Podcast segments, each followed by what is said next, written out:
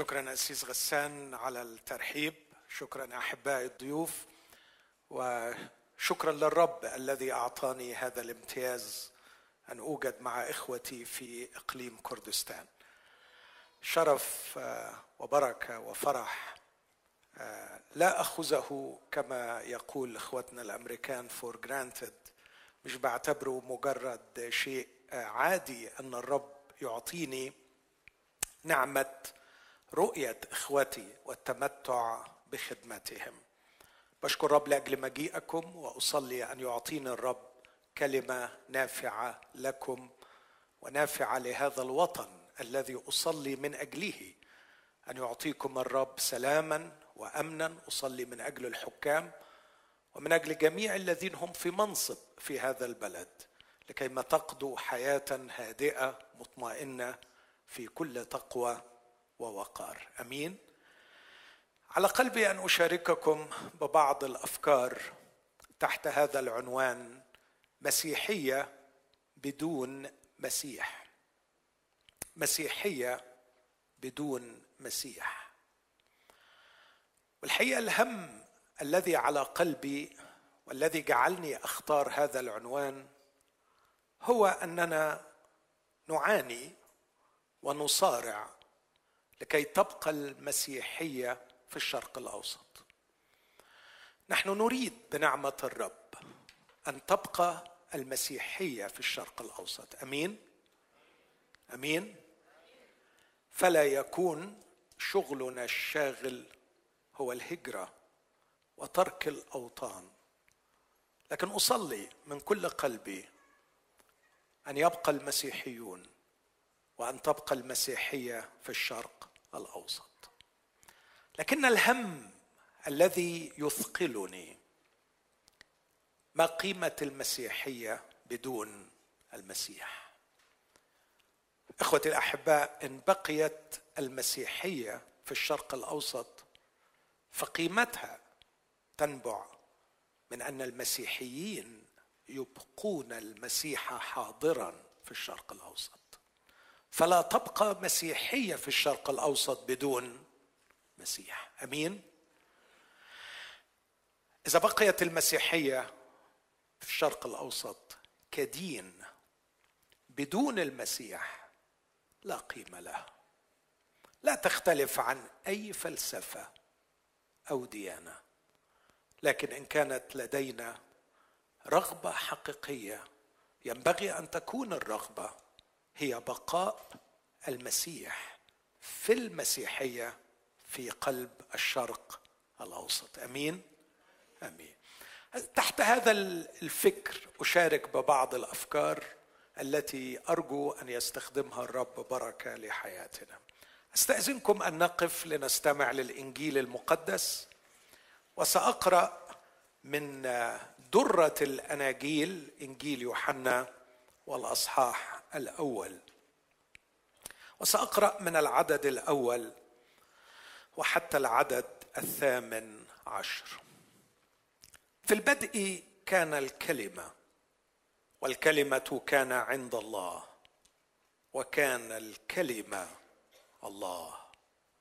هذا كان في البدء عند الله.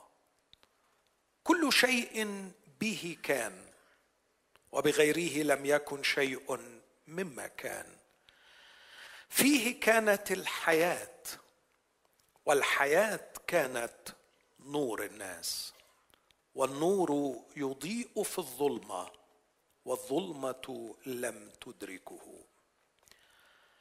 كان إنسان مرسل من الله اسمه يوحنا.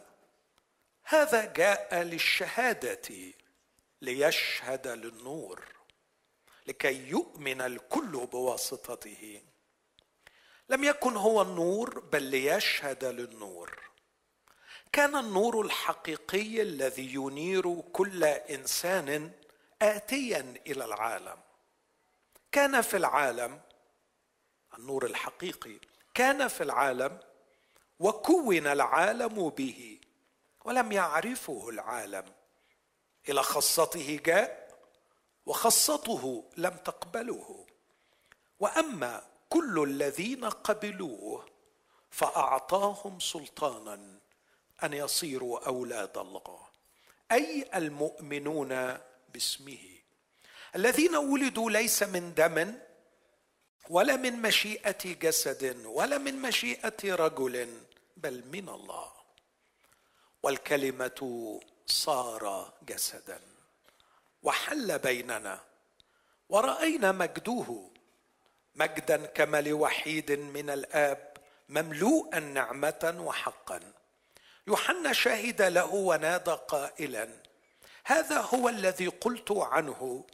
إن الذي يأتي بعدي صار قدامي لأنه كان قبلي. ومن ملئه نحن جميعا أخذنا. ونعمة فوق نعمة. لأن الناموس بموسى أعطي أما النعمة والحق فبيسوع المسيح صارا الله لم يره أحد قط. الابن الوحيد الذي هو في حضن الآب هو خبر. آمين. هذه هي كلمة الرب. تفضلوا.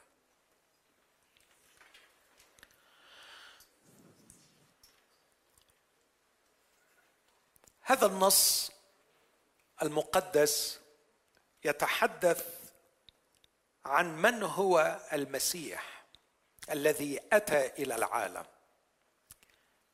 في العدد الرابع عشر يقول والكلمة صار جسدا وحل بيننا. صار الكلمة بشرا وحل بيننا. لكن الحقيقة الكلام ده جه في العدد الرابع عشر. من العدد الأول وحتى العدد الثالث عشر. يقول لنا أن الكلمة موجود قائم كائن في الوجود في الكون قبل أن يصير بشرا ويحل بيننا. فالمسيح ليست بدايته بيت لحم. لكن بدايته إن كانت تليق هذه الكلمة يقول عنها في أصحاح واحد وعدد واحد في البدء كان الكلمة مش وجد الكلمة لكن في البدء كان الكلمة. ارجع بعقلك إلى الأزل السحيق ستجد الكلمة قائم هناك. وهناك في البدء كان الكلمة ثم يقول لنا أن كل شيء به كان وبغيره لم يكن شيء مما كان ثم يصف لنا الكلمة بوصف بديع. الكلمة هو النور النور الحقيقي. عندما جاء يوحنا المعمدان يحرص يوحنا الرسول ويكتب قائلا أن يوحنا المعمدان لم يكن هو النور لكن كان النور الحقيقي الذي ينير كل إنسان اتيا إلى العالم. يوحنا يشهد للنور لكن المسيح هو النور. وعندما يسميه النور الحقيقي اسمعوا يا إخوتي البعض يتكلم فلسفيا عن نور الله الذاتي. النور الذاتي. النور الذي لا يستمد نوره من مصدر آخر. النور الذي ينبع من حياة لا تستمد وجودها من حياة آخر. ويعلمنا شيئا في غاية الأهمية أن النور لا ينفصل عن الحياة. اسمعوا العبارة دي واحفظوها معايا أحبائي.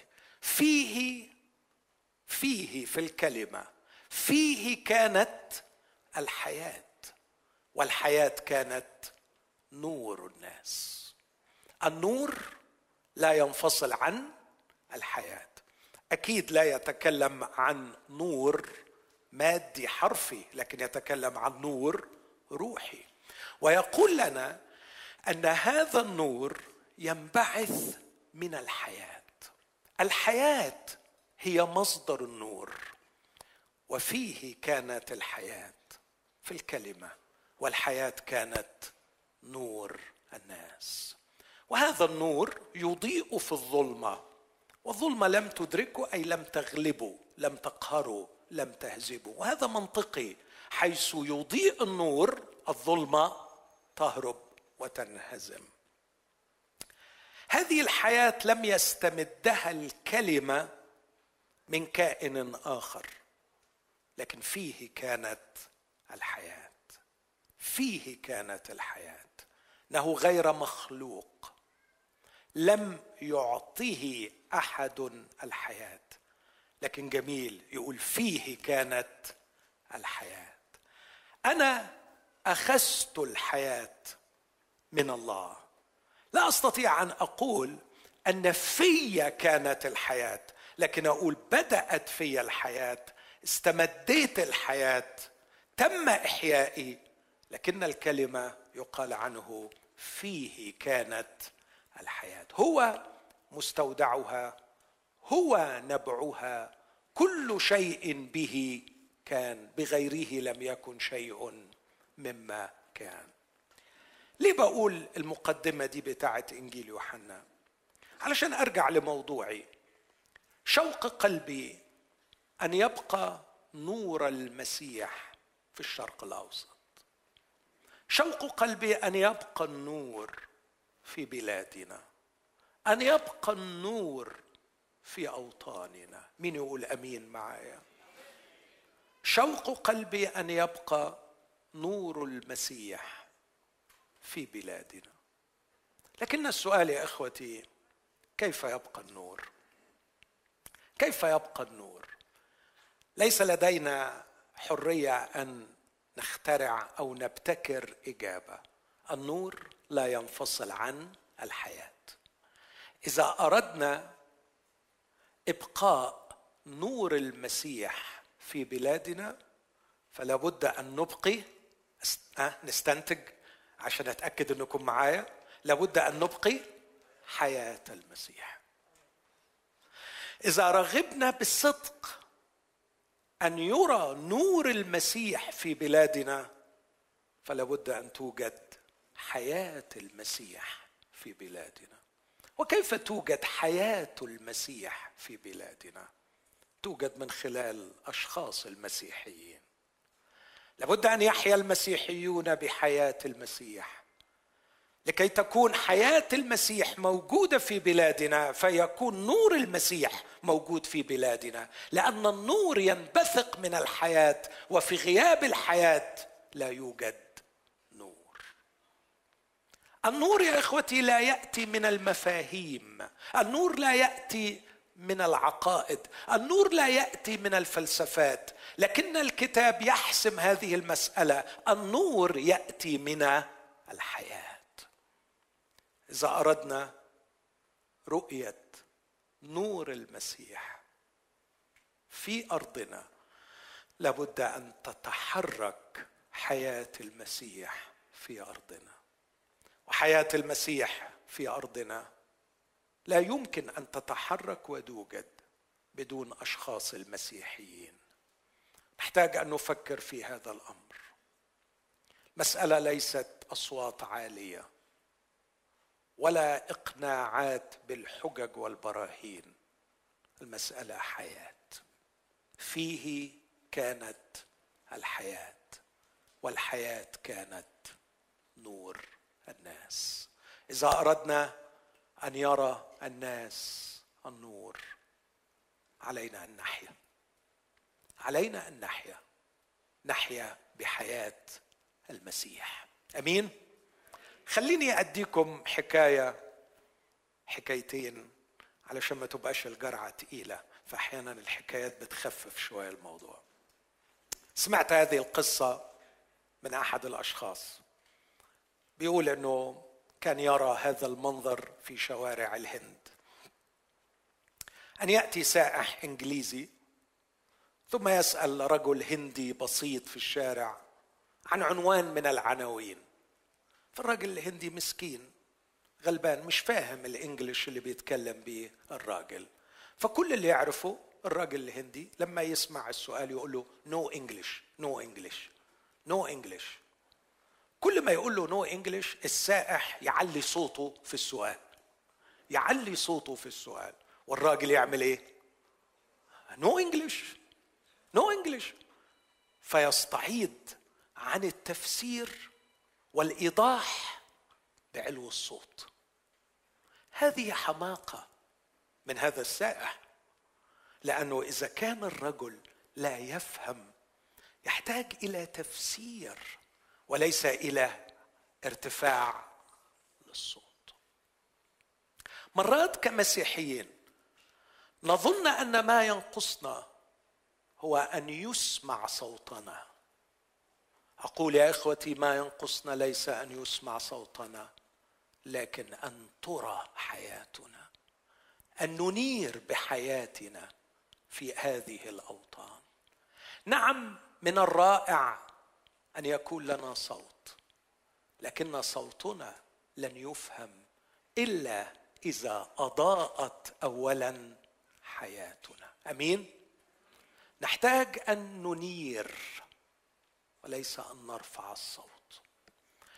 الحكاية الثانية من عيادة أحد الأطباء.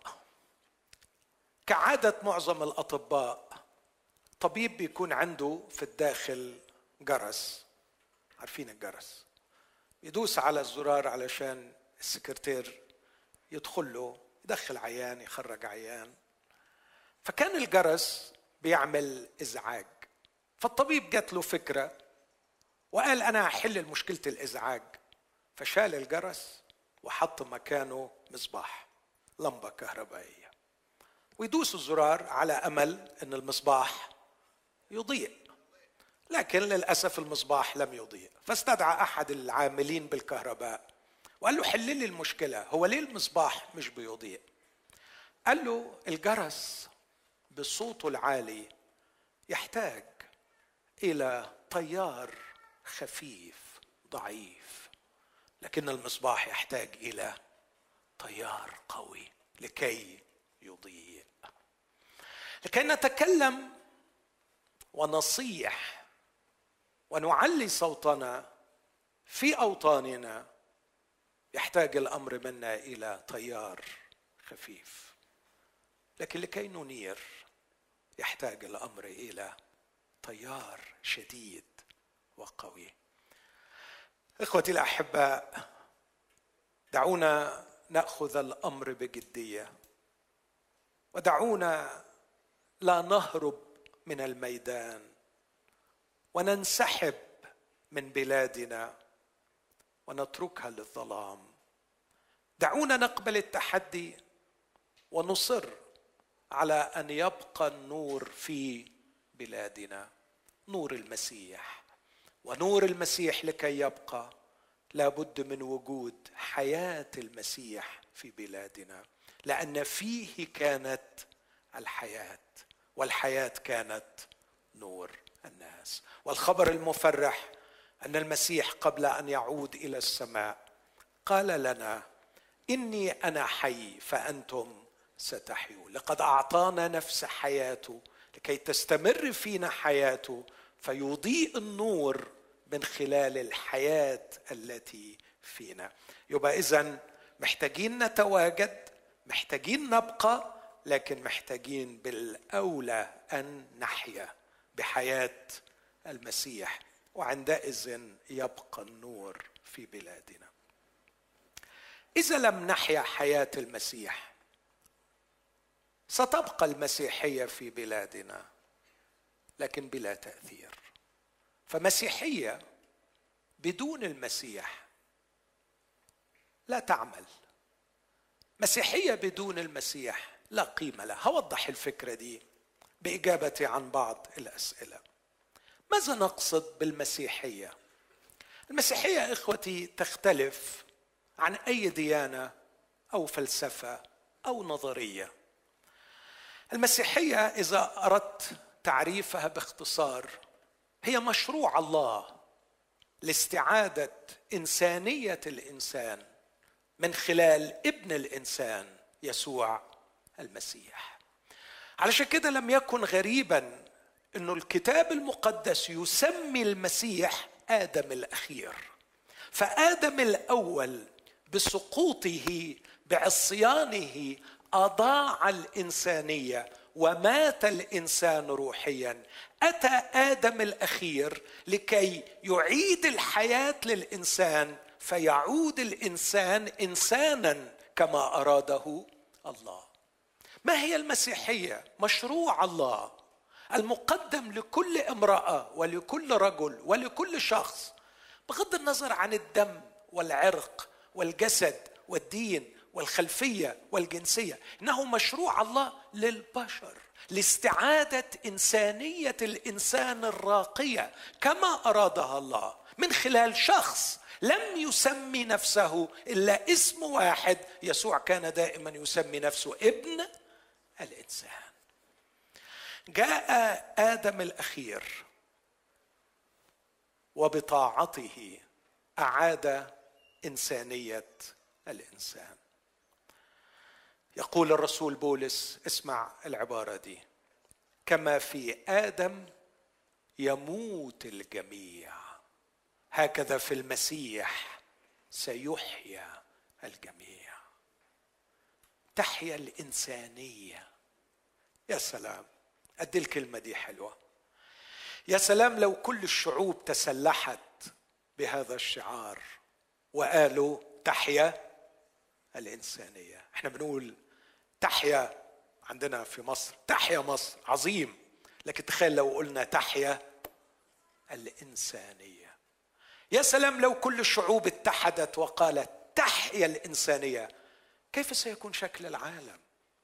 إذا حيت الإنسانية جاء يسوع لكي يحيي الانسانيه يعيدها. إلى كرامتها ومجدها وشرفها ورقيها وحريتها. جاء المسيح ليستعيد للإنسان إنسانيته. هذه الاستعادة تتم من خلال اسمعني في العبارة اللي جاية دي من فضلك من خلال حضور المسيح الشخصي في حياة من يقبله. معلش عبارة يمكن صعبة شوية بس اتعب معايا. ليس من خلال أن تعتنق العقائد المسيحية. ليس من خلال أن تمارس الممارسات المسيحية لكن من خلال حضور المسيح شخصيا في حياتك. المسيح لا ينير من خلال عقائد وممارسات. لكن ينير من خلال حلول وحضور حياته شخصيا في كل من يقبله من أكثر من مئة سنة صاغ أينشتاين نظرياته العلمية وتركها للبشرية ومات أينشتاين ورحل عن البشر بس النظرية النسبية العامة بدون أينشتاين شغالة ولا مش شغالة؟ م? شغالة شغالة.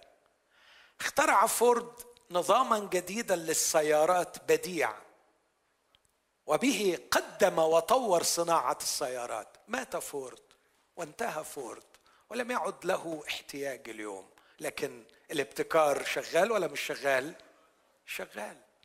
جاء بوذا من حوالي 2500 سنة وترك للعالم البوذية ومات بوذا وانتهى بوذا. لكن البوذية بدون بوذا شغالة ولا مش شغالة؟ شغالة. البوذية شغالة بدون بوذا. جاء كونفوشيوس وترك الكونفوشيوسية.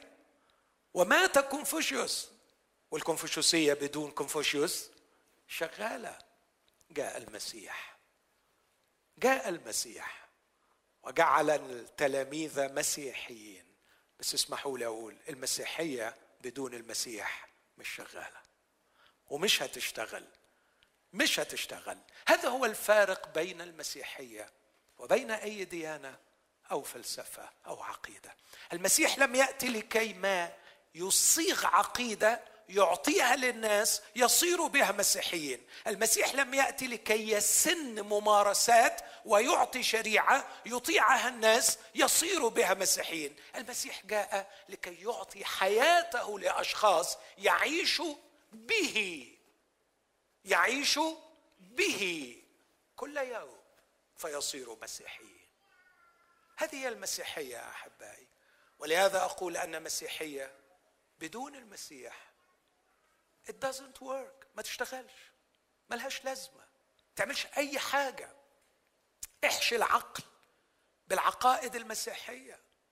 واجعل الشخص يمارس الممارسات المسيحية بدون وجود المسيح حي في حياته. ما هوش مسيحي. تزعلش مني. مسيح الديانة على عيني وراسي. مسيح الهوية على عيني وراسي. لكن ما هياش المسيحية اللي تجيب النور وده اللي إحنا مشغولين بيه أن يكون هناك نور. النور يأتي من حياة المسيح لأن فيه كانت الحياة والحياة كانت نور الناس. واضح قصدي؟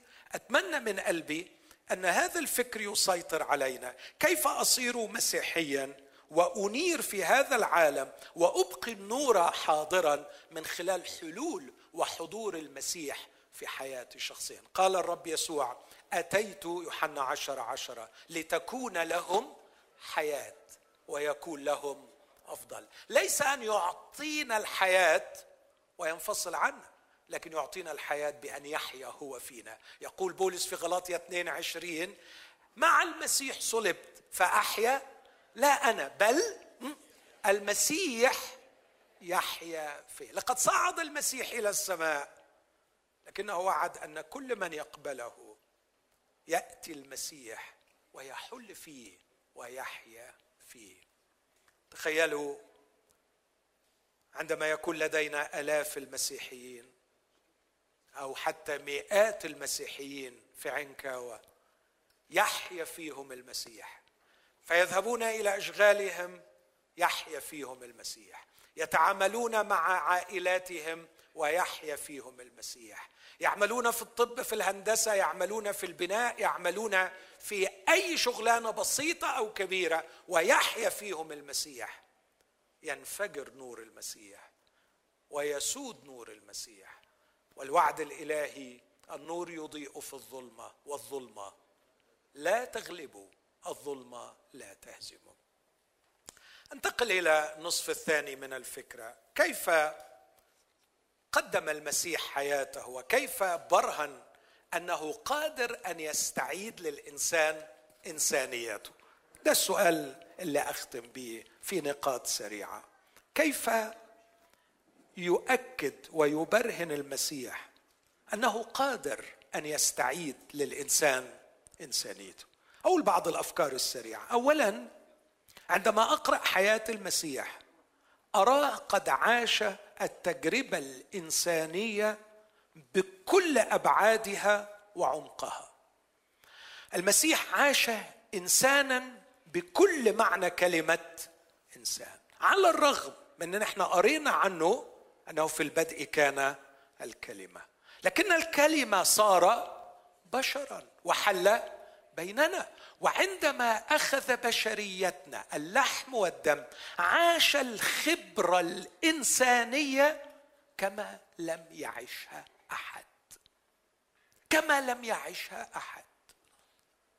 إخوتي الاحباء خذوا بعض الأمثلة في الخبرة الإنسانية التي عاشها المسيح.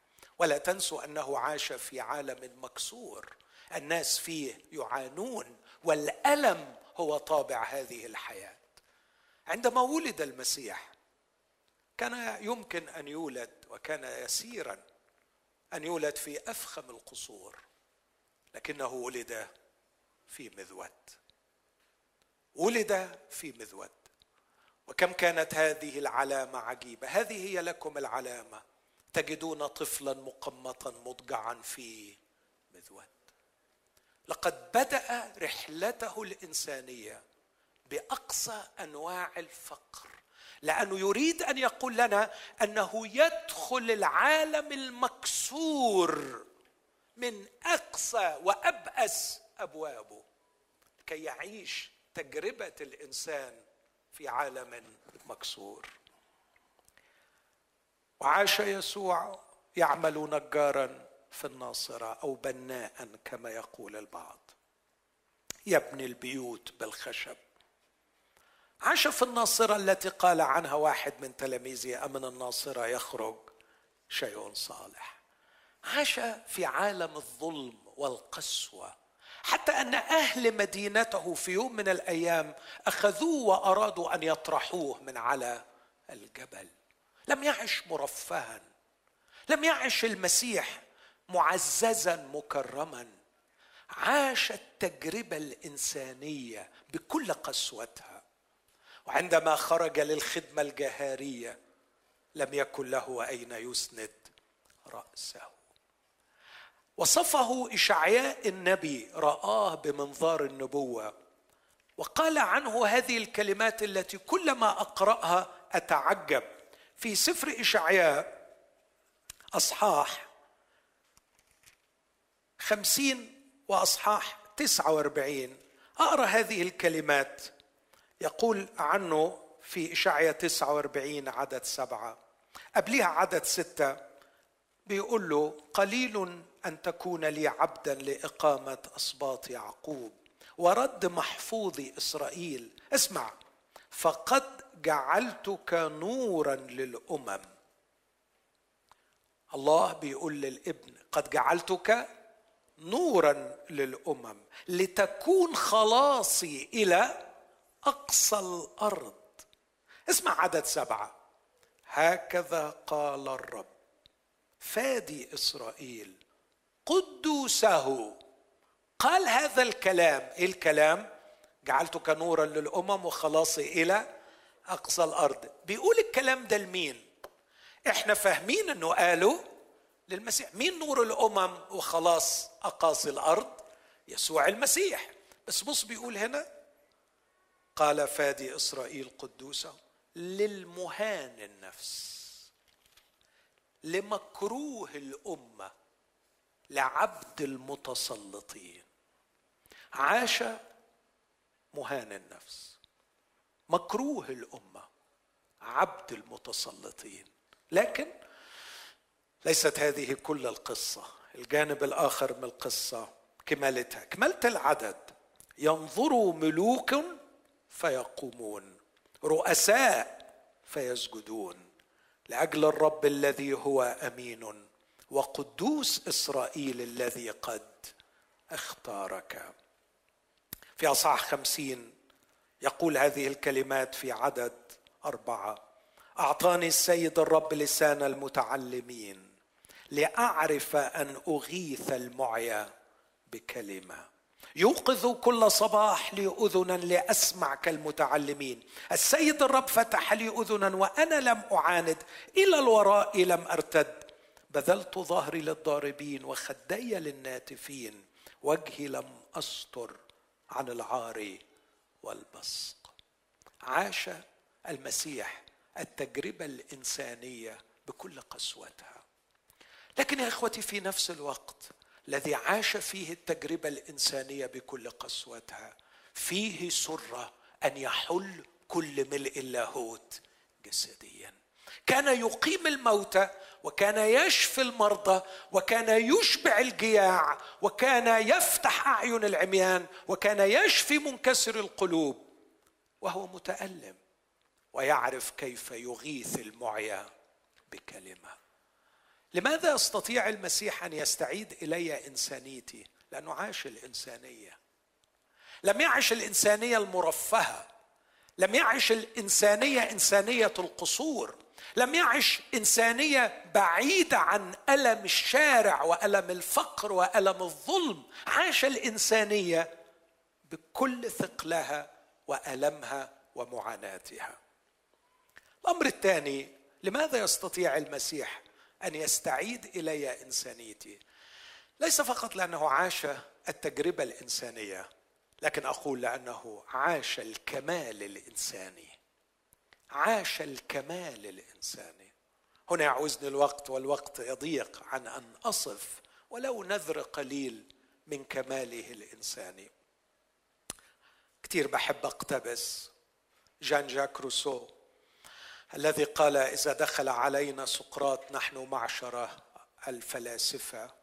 ينبغي أن نقف احتراما لكن إذا دخل علينا يسوع المسيح علينا أن نخر ركوعا لأنه هو الفضيلة المتجسدة التي وصفها أفلاطون. كان يسوع يحوي كل أشكال الكمال الإنساني. إلى اليوم لم يستطع أحد أن يسجل له خطية واحدة. عاش التجربة الإنسانية بكل فقرها وظلمها ولم يخطئ خطأ واحدا بل أبرز كل الجمال والكمال الإنساني. خليني أديكم بعض الملامح السريعة لهذا الجمال. جمع في نفسه الإرادة الحرة المستقلة والخضوع التام. افتكر كده معايا وهو عمره 12 سنة. تركه أو هو ترك أباه وأمه وجلس في الهيكل. كم يوم حد فاكر؟ ثلاثة أيام. طفل عنده 12 سنة. يقعد ثلاثة أيام بدون أهله. وخدوا بالكم وهو في الثلاث أيام دول يجلس بين الشيوخ بين المعلمين يسمعهم ويسألهم وعندما يعجزوا عن الإجابة هو يجيب. كمال الحرية والاستقلال والقدرة على إدارة ذاتية اللي بيسموها الأوتونومي قادر يمشي حاله بنفسه وهو طفل عمره 12 سنة. وبعدين تأتي إليه المطوبة القديسة العذراء مريم. وتقول له يا بني لماذا فعلت بنا هكذا؟ كنا أنا وأبوك نطلبك معذبين. لماذا كنتما تطلبانني؟ ألم تعلم أنه ينبغي أن أكون فيما لأبي كتبت عنه قصيدة بهذا الصدد قديما وقلت عاتباك لائمين ولم يدروا أنهم بذا العتاب قد ضلوا المنار. رددت القول بروعة تخلب القلوب والأبصار. إيه الجمال ده وهو بيرد؟ إيه الاحترام؟ إيه الرقي ده؟ إيه الروعة دي وهو يصحح القول لكن بكل احترام. بس كمل المشهد وبعدها يقول ونزل معهما إلى الناصرة وكان خاضعا لهما. من حير العلماء وأجاب الشيوخ ينزل مع أبيه وأمه. ويعمل إيه؟ أه؟ يخضع لهما. إخوتي هذا الكمال الإنساني أشتاق إليه. أتحدى أن ترى هذا الجمال في أي بشر. هذا المزيج بين الحرية والاستقلال التام والقدرة على الاستقلال والإدارة الذاتية وبين الخضوع التام. كيف مزجت هذا المزيج يا سيدي. أسمعه يقول لي هذه هي الحياة التي أريد أن أعطيها لك. هي دي الحياة اللي هتنور. هو ده الإنسان كما اشتاق إليها الله وكما أراده الله. مزج بين الصلابة والحنان؟ كم من مرات على الأقل خمس مرات يقول عنه الكتاب عبارة بالإنجليزية ترجمتها بالعربية كلمة تحنن يسوع لكن بالإنجليزية أقوى. He moved with compassion. كانت أحشاءه تتحرك بالحنان. عندما يرى المساكين عندما يرى الجياع عندما يرى المظلومين عندما يرى المقهورين كان حنونا. أتحداك أن تقرأ عن المسيح؟ في موقف مع الأطفال إلا وتلاقيه يحتضنهم يجيش بالحنان.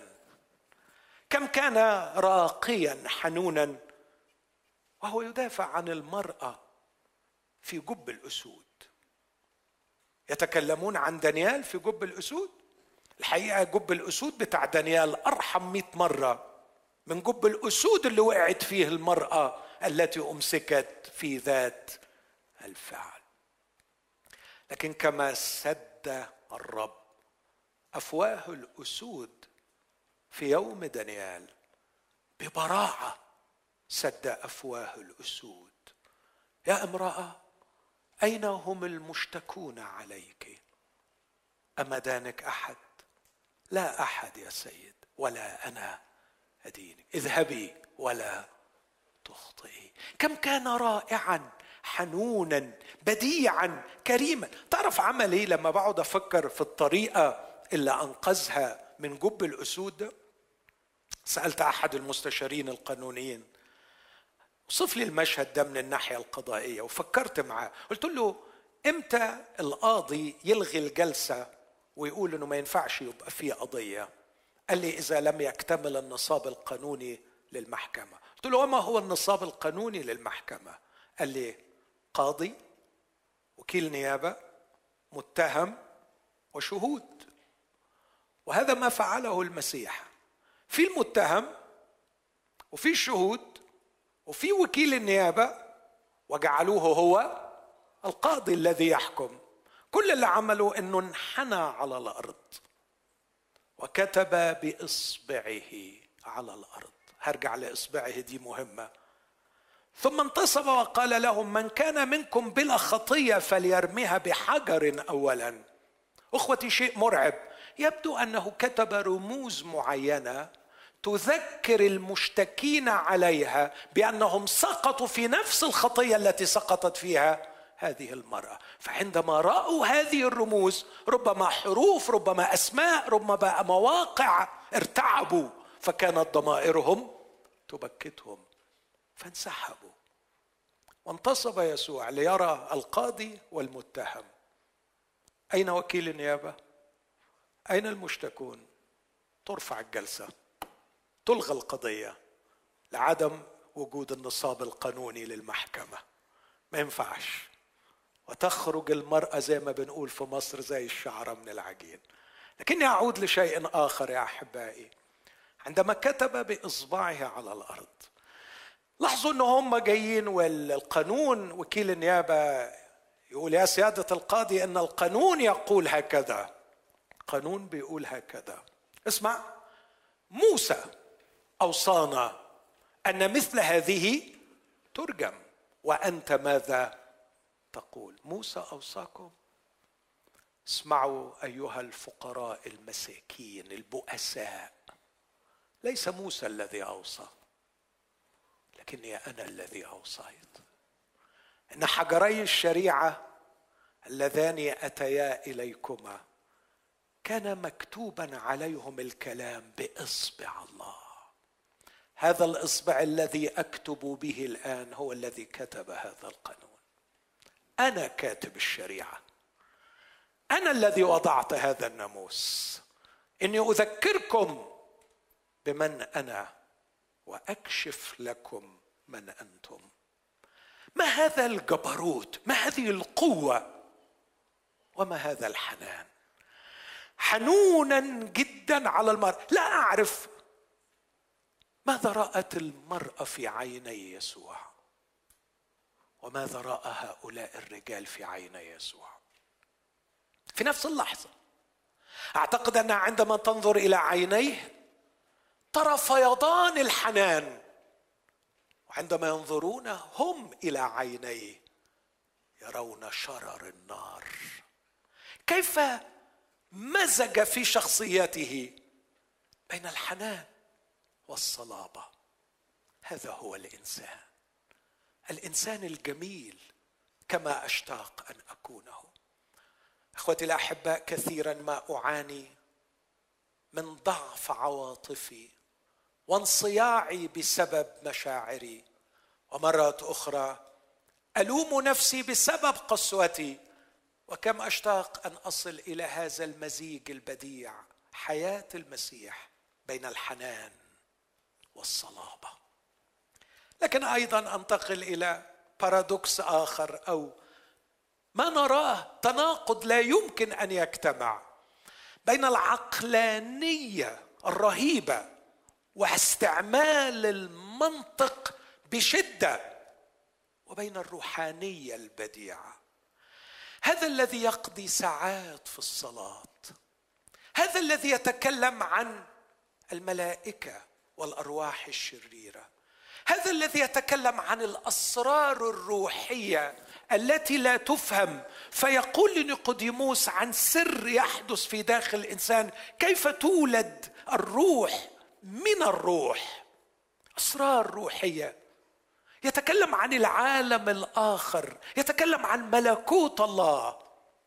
في نفس الوقت يحاور بالمنطق ويستعمل العقلانية الشديدة في ردوده على أعدائه الذين كانوا يقاومونه ويعادون أحد الفلاسفة المسيحيين نورمان جايسلر عمل فصل كامل في كتاب من كتبه عن كيف أن كل قواعد المنطق التي اكتشفها أرسطو كان المسيح يطبقها في حواراته.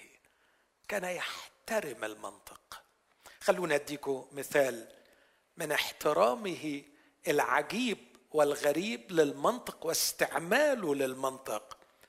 يقول مثلا للصدوقيين. جايين بيقولوا له حكاية سخيفة. حكاية بتكشف حماقة الفكر البشري في تأليفه للأساطير الدينية. قالوا له في واحد اتجوز واحدة وبعدين آه، مات. فأخوه خدها طبقا للشريعة. بس المسكين هو كمان مات. وبعدين خدها الثالث والمسكين مات. فهي خلصت على الثلاثه وهي لسه باقية. وبعدين يكملوا الأسطورة خرافات دينية حكايات فابريكيتد وخدها الرابع ومات وخدها الخامس ومات وخدها السادس ومات وخدها سبعة ماتوا. والسؤال بقى المعضلة في القيامة لمن تكون؟ رد عليهم وقال لهم تضلون. تضلون إذ لا تعرفون الكتب. ماذا يقول الكتاب؟ في أمر العليقة. أمر العليقة مهم لأنه به بدأ تاريخ شعب إسرائيل. يوم ظهر الله لموسى في العليقة قال له أنا إله إبراهيم وإسحاق ويعقوب. اسمع النص ده. أنا إله. I am. مش I was. مش أنا كنت إله إبراهيم لكن أنا الآن وأنا أكلمك يا موسى بعد 500 سنة من موت إبراهيم أنا الآن إله إبراهيم. ثم يستنتج يسوع بما أن اذا بما أن الله يقول لموسى أنا إله إبراهيم ولا يمكن أن يكون الله إله أموات بل هو إله أحياء. تأتي الكونكلوجن اذا الجميع أحياء عنده. إن الموت ليس هو نهاية الإنسان. وهو كان بيرد لأنهم كانوا رافضين فكرة القيامة. وبيقولوا ما فيش قيامة. وألفوا الحكاية دي علشان ينفوا إنه الإنسان بعد ما يموت هيقوم ثانية. الفرضية الأولى زي ما بنعمل في القياسات المنطقية.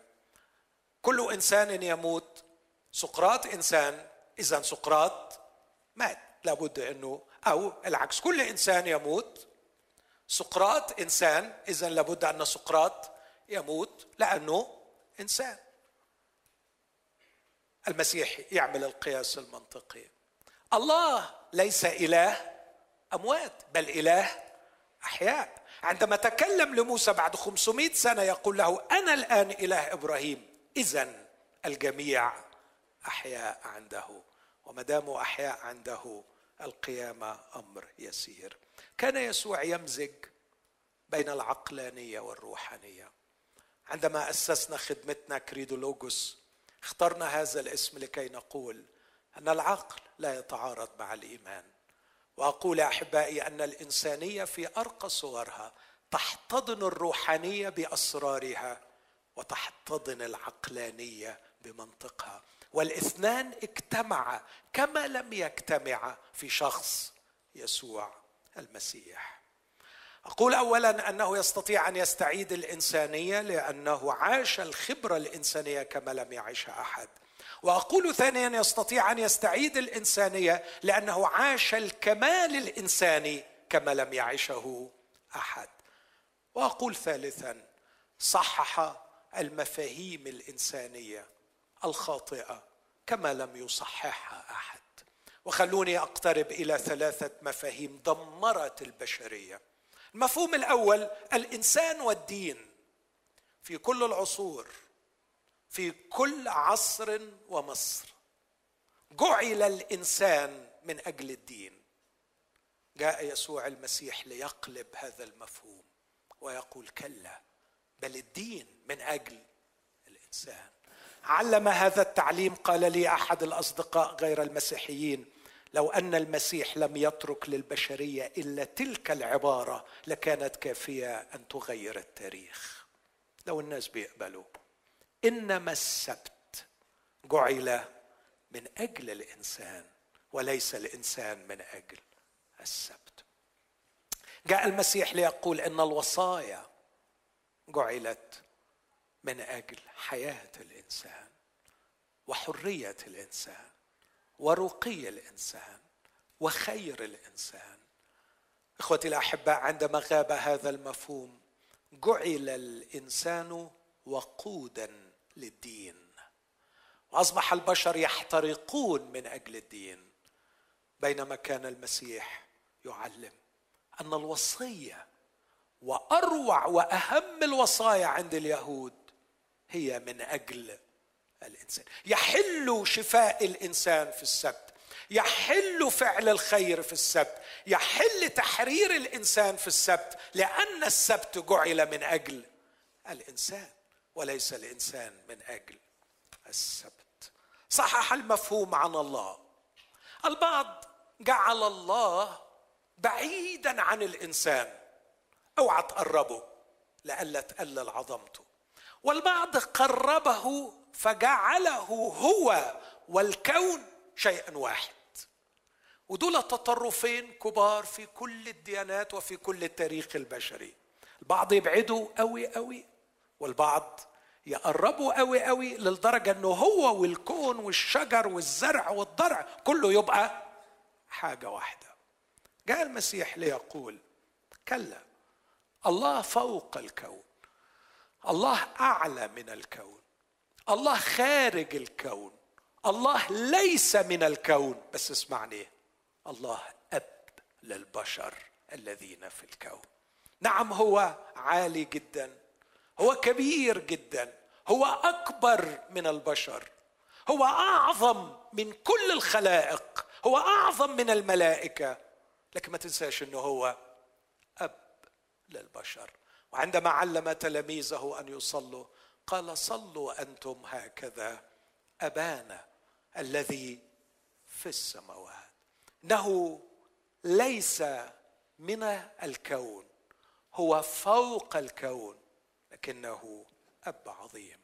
صحح المفهوم من جهة الدين والإنسان صحح المفهوم من جهة الله لكن صحح المفهوم أيضا من جهة مشكلة الإنسان. في كل العصور كانوا بيركزوا على إنه نغير المكان نغير الزمان نغير الظروف نغير النظم. جاء المسيح علشان يقول يا جماعة هتغير الأماكن هتغير الظروف هتغير النظم هيفضل الحال تعيس. الحل هو إنك تغير الإنسان. فكانت اليوتوبيا عند المسيح ليست أن ننتقل إلى مكان أفضل مش نهاجر. وليست هي القضية إنك تغير النظم السياسية أو الاقتصادية لكن أن تغير الإنسان. عشان كده كان بيقول لنقديموس نقديموس المشكلة مش في مين اللي بيملك مين اللي بيحكم والمشكلة مش ابدا في البلد وفي الأرض وفي الظروف. مشكله فيكم ينبغي أن تولدوا من فوق. كلمة من فوق يعني من مصدر تاني. نحتاج إلى ولادة روحية. إن حل المشكلة لا يكمن في تغيير المكان ولا الزمان لكن في تغيير الإنسان. أقول رابعا لماذا المسيح قادر أن يستعيد إنسانية الإنسان؟ لأنه مات موتا كفاريا.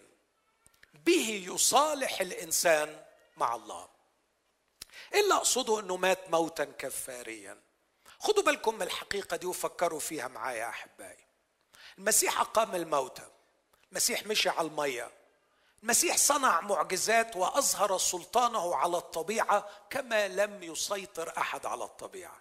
المسيح أظهر سلطانه على الأرواح الشريرة، فكانت الأرواح الشريرة تراه فتصرخ وتقول نحن نعلم من أنت.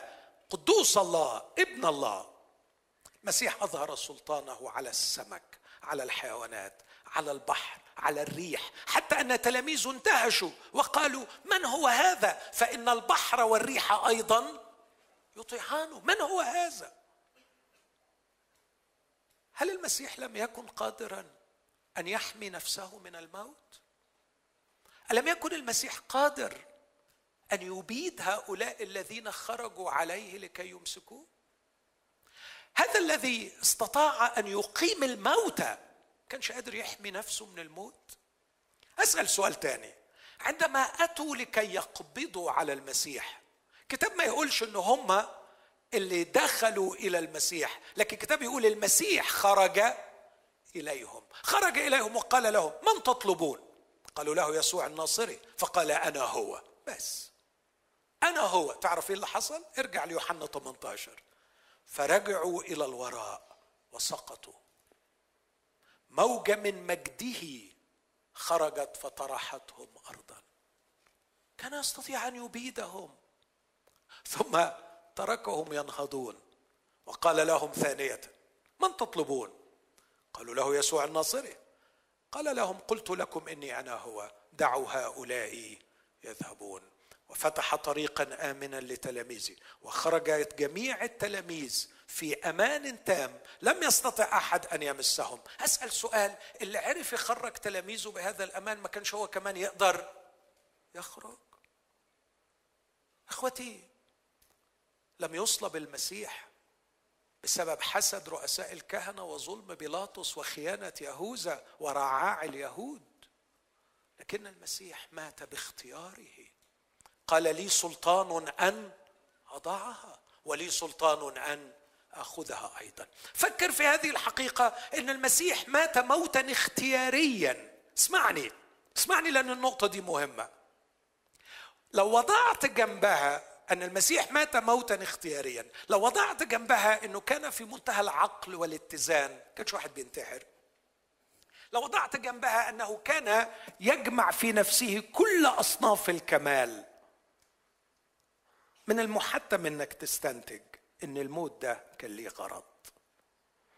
هذا الموت لم يكن مجبرا عليه. هذا الموت لم يملى عليه لكن هو الذي اختاره. والسؤال لماذا اختار المسيح الموت؟ اسمع الإجابة في يوحنا 12 قال المسيح لتلاميذه الحق أقول لكم إن حبة الحنطة إن لم تقع في الأرض وتمت فهي تبقى وحدها. لكن إن ماتت تأتي بثمر كثير. كان المسيح يرى نفسه آدم الأخير الذي ينبغي أن يموت لكي يأتي بثمر كثير. كيف؟ لا أعلم الميكانيزم لكن أعلم أن المسيح بموته على الصليب من أجلنا صنع الصلح بيننا وبين الله فصالحنا مع الله. وهناك حررنا من قبضة إبليس. وهناك صار متاحا لنا أن يعطينا حياته بعد أن مات بالموت موتنا. أمين؟ قولها في قلبك. مات المسيح لكي يميت بالموت موتنا. لكي يحررنا من الفناء ويحررنا من الموت. ويحررنا من إبليس ويصالحنا مع الله. هذا ما أعلنه المسيح عن نفسه. لماذا يستعيد المسيح وهو الوحيد الذي يستعيد لنا إنسانيتنا؟ لأنه مات موتا كفاريا. ليصالحنا مع الله اللي من غير العلاقة معاه ما فيش إنسانية. واللي يحررنا من إبليس اللي تحت سلطانه ما فيش إنسانية. ولكي يحررنا من الموت اللي بوجوده ما فيش إنسانية. لكي يكون الإنسان إنسانا يحتاج للعلاقة مع الله والحرية من إبليس والنصره على الموت. والمسيح بموته حقق هذه الأشياء الثلاثة. وإني أتعجب ممن يتكلمون عن موت المسيح وكأنه ضعف ثم لا يستكملون القصة فبعد ساعات ليست بكثيرة قام المسيح. قام المسيح. إخوتي نحن لا نتبع مسيحا قد مات ودفن.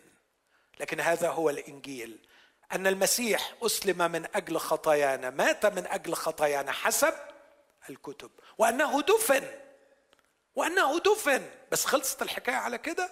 وقام في اليوم الثالث حسب الكتب. نحن نتبع مسيحا. مات وقهر الموت.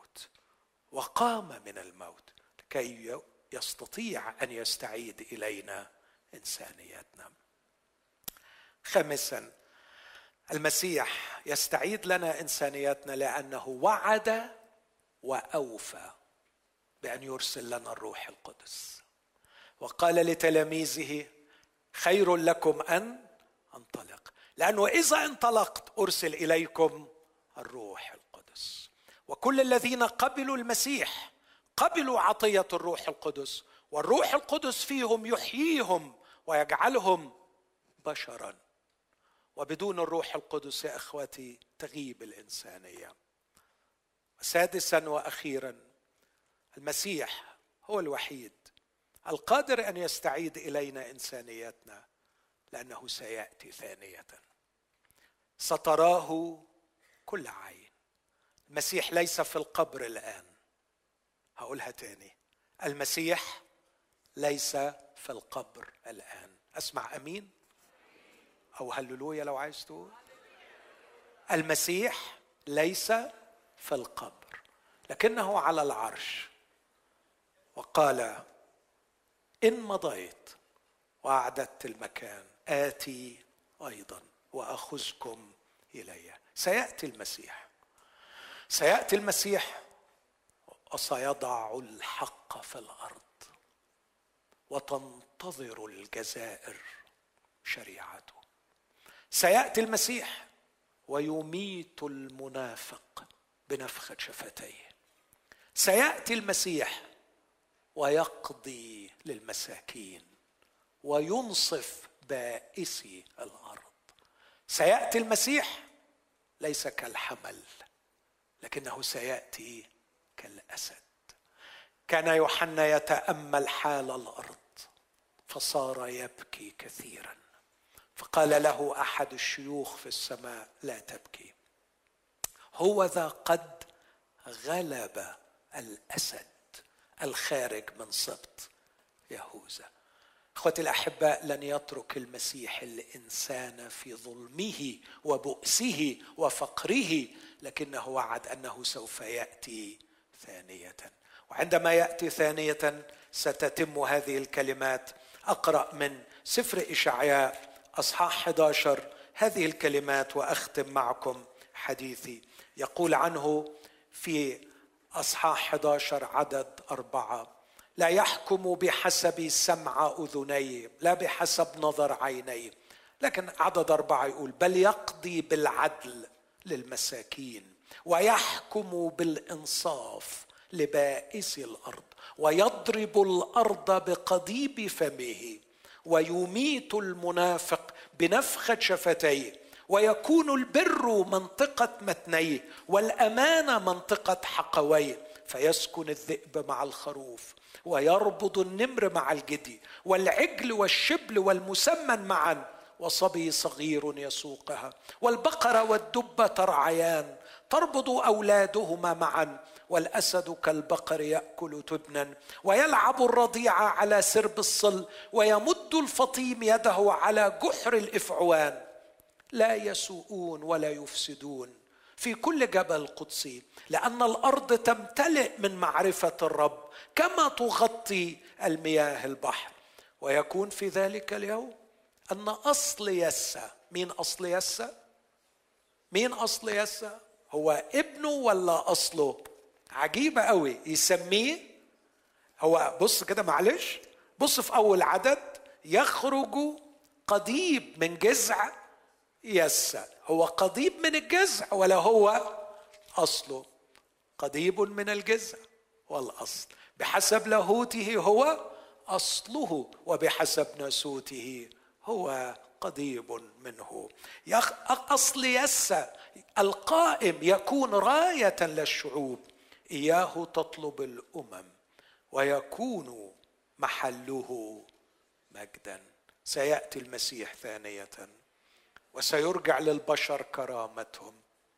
وكل الذين قبلوه أعطاهم سلطانا أن يصيروا أولاد الله. إخوتي الأحباء ألخص ما قلته في كلمات قليلة. يستطيع المسيح وحده. اسمحوا لي أقول هذا بدون أي تحزب. يستطيع المسيح وحده أن يسترجع للإنسان إنسانيته. إني أدعوك في هذه الليلة وأدعوك. أدعوك بصدق. أدعوك بصدق. تفتح قلبك وتقبل شخص المسيح يسوع. وإذا سألتني إيه اللي هاخده لما أقبل المسيح سيعيد لك المسيح إنسانيتك. سيجعلك المسيح إنسانا. شكله إيه؟ شكله. شبهه إيه؟ هبقى زي إيه؟ هتبقى زيه. هتبقى على صورته بحلاوته برقيه بجماله. المسيح أتى لكي يخلصنا من كل ما يهدر إنسانيتنا من الخطية والعبودية لإبليس؟ جاء لكي يرجع إلينا كرامتنا الإنسانية التي ضاعت من ابن الإنسان يجعلني إنسانا. ابن الإنسان يخلصني ويعيد لي إنسانيتي. لماذا أقدم هذا الزعم والإدعاء؟ أن المسيح وحده قادر على إعادة إنسانية الإنسان. لأنه عاش التجربة الإنسانية بكل ملئها. لأنه جمع في نفسه كل الكمال الإنساني. حد فاكر باقي الكلام؟ لأنه صحح المفاهيم الجوهرية الأساسية عند الإنسان. لأنه مات موتا كفاريا ليخلق الإنسان من جديد. لأنه وعد وأوفى بأن يرسل الروح القدس ووعد وسيوفي بأنه سيأتي ثانية. لهذه الحقائق الستة أقول من حق المسيح أن يقول أنا هو الباب. أنا هو الباب. إن دخل بي أحد يخلص. يخلص ويدخل ويخرج ويجد مرعى. وأقول لإخوتي كل من نال حياة المسيح واستعاد إنسانيته في المسيح النور ينبثق من الحياة. الحياة هي نبع النور وبدون الحياة لا يوجد نور. أقول لإخوتي في إقليم كردستان عيشوا عيشوا كما يحق لإنجيل المسيح. عيشوا حياة المسيح. جميل أن نتكلم جميل أن نسبح لكن النور لن يأتي من كلامنا ولا من تسبيحنا. النور ينبثق من الحياة. اذهبوا إلى أماكن أعمالكم وعيشوا المسيح. وحيوا بين جيرانكم بحياة المسيح. ولتكن صلاتكم في كل يوم ليتقدس اسمك ليأتي ملكوتك لتكن مشيئتك ليتمجد اسمه من خلال حياتنا. عيشوا بالحب عيشوا بالرقي الذي رأيتموه في المسيح. ولا تكفوا عن الجهاد أن تجمعوا في أنفسكم تلك الكمالات التي ظهرت في قائدكم ورأسكم في يسوع المسيح.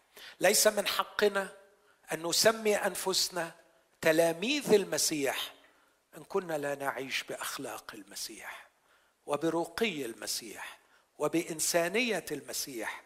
هذا الذي جمع في نفسه الحنان والحب والصلابة والرقي والعقل والمنطق والروحانية جمع كل أشكال الجمال ومنها انبثق النور. من كل قلبي أصلي أن يستخدم الرب هذه الكلمات من أجل غرضين. الغرض الأول لو كان في حد في هذه القاعة بيسمعني أو بيشوف الكلام ده وإلى الآن لم يفتح قلبه للمسيح. على فكرة المسيح لم يأتي للمسيحيين. المسيح جاء لكي يصير مسيحيين. يعني إيه مسيحيين؟ يعني بشر. يعني إنسان. يعني مسيحي؟ يعني إنسان. قولها معايا من فضلك. يعني إيه مسيحي؟ إنسان. معلش أسمعها تاني. يعني إيه مسيحي؟ يعني تبقى إنسان. تبقى إنسان. هذا هو الغرض. تابعا لابن الإنسان. هذا هو الغرض من كرازتي ومن كلامي. أن تقبل المخلص ليستعيد لك إنسانيتك. والغرض الثاني أقول لكل من قبل المسيح عش بحياة المسيح. لكي يبقى النور. ولا تبقى في الشرق الأوسط مسيحية بدون مسيح. مسيحية بدون مسيح ملهاش لازمة. مسيحية في منارات الكنائس وأجراس الكنائس ليست هي التي ستؤثر. نريد أن تبقى مسيحية بالمسيح من خلال حياة المسيح في المسيحيين.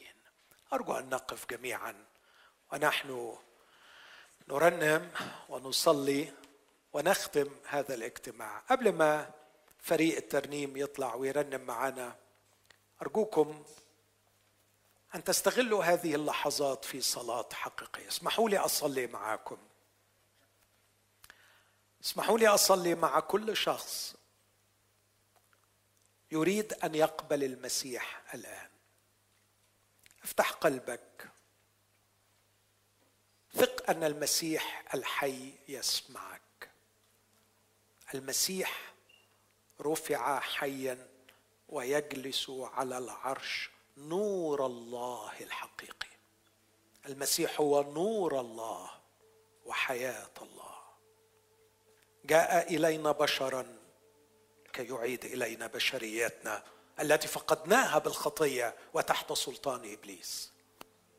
جاء إلينا بشرا ليعيد إلينا بشريتنا التي فقدناها. قل له أيها المسيح الحي خلصني ارحمني. قلبي مكسور في داخلي. الخطية تذلني. شعوري بالغربة والوحدة يقتلني. اشفيني. وارجع إلي إنسانيتي. هل يوجد في هذه القاعة شخص مكتئب مكسور يشعر بالوحدة يشعر بالخوف والضياع؟ أنت في حضرة المسيح الحنون. يحتويك بحنانه يرفعك بقوته. يقول لك أنا أشفيك وأحييك وأرجع إليك إنسانيتك المهدرة. قل له أقبلك أيها الرب يسوع وأرحب بك. خلصني. خلصني مما أنا فيه وغيرني.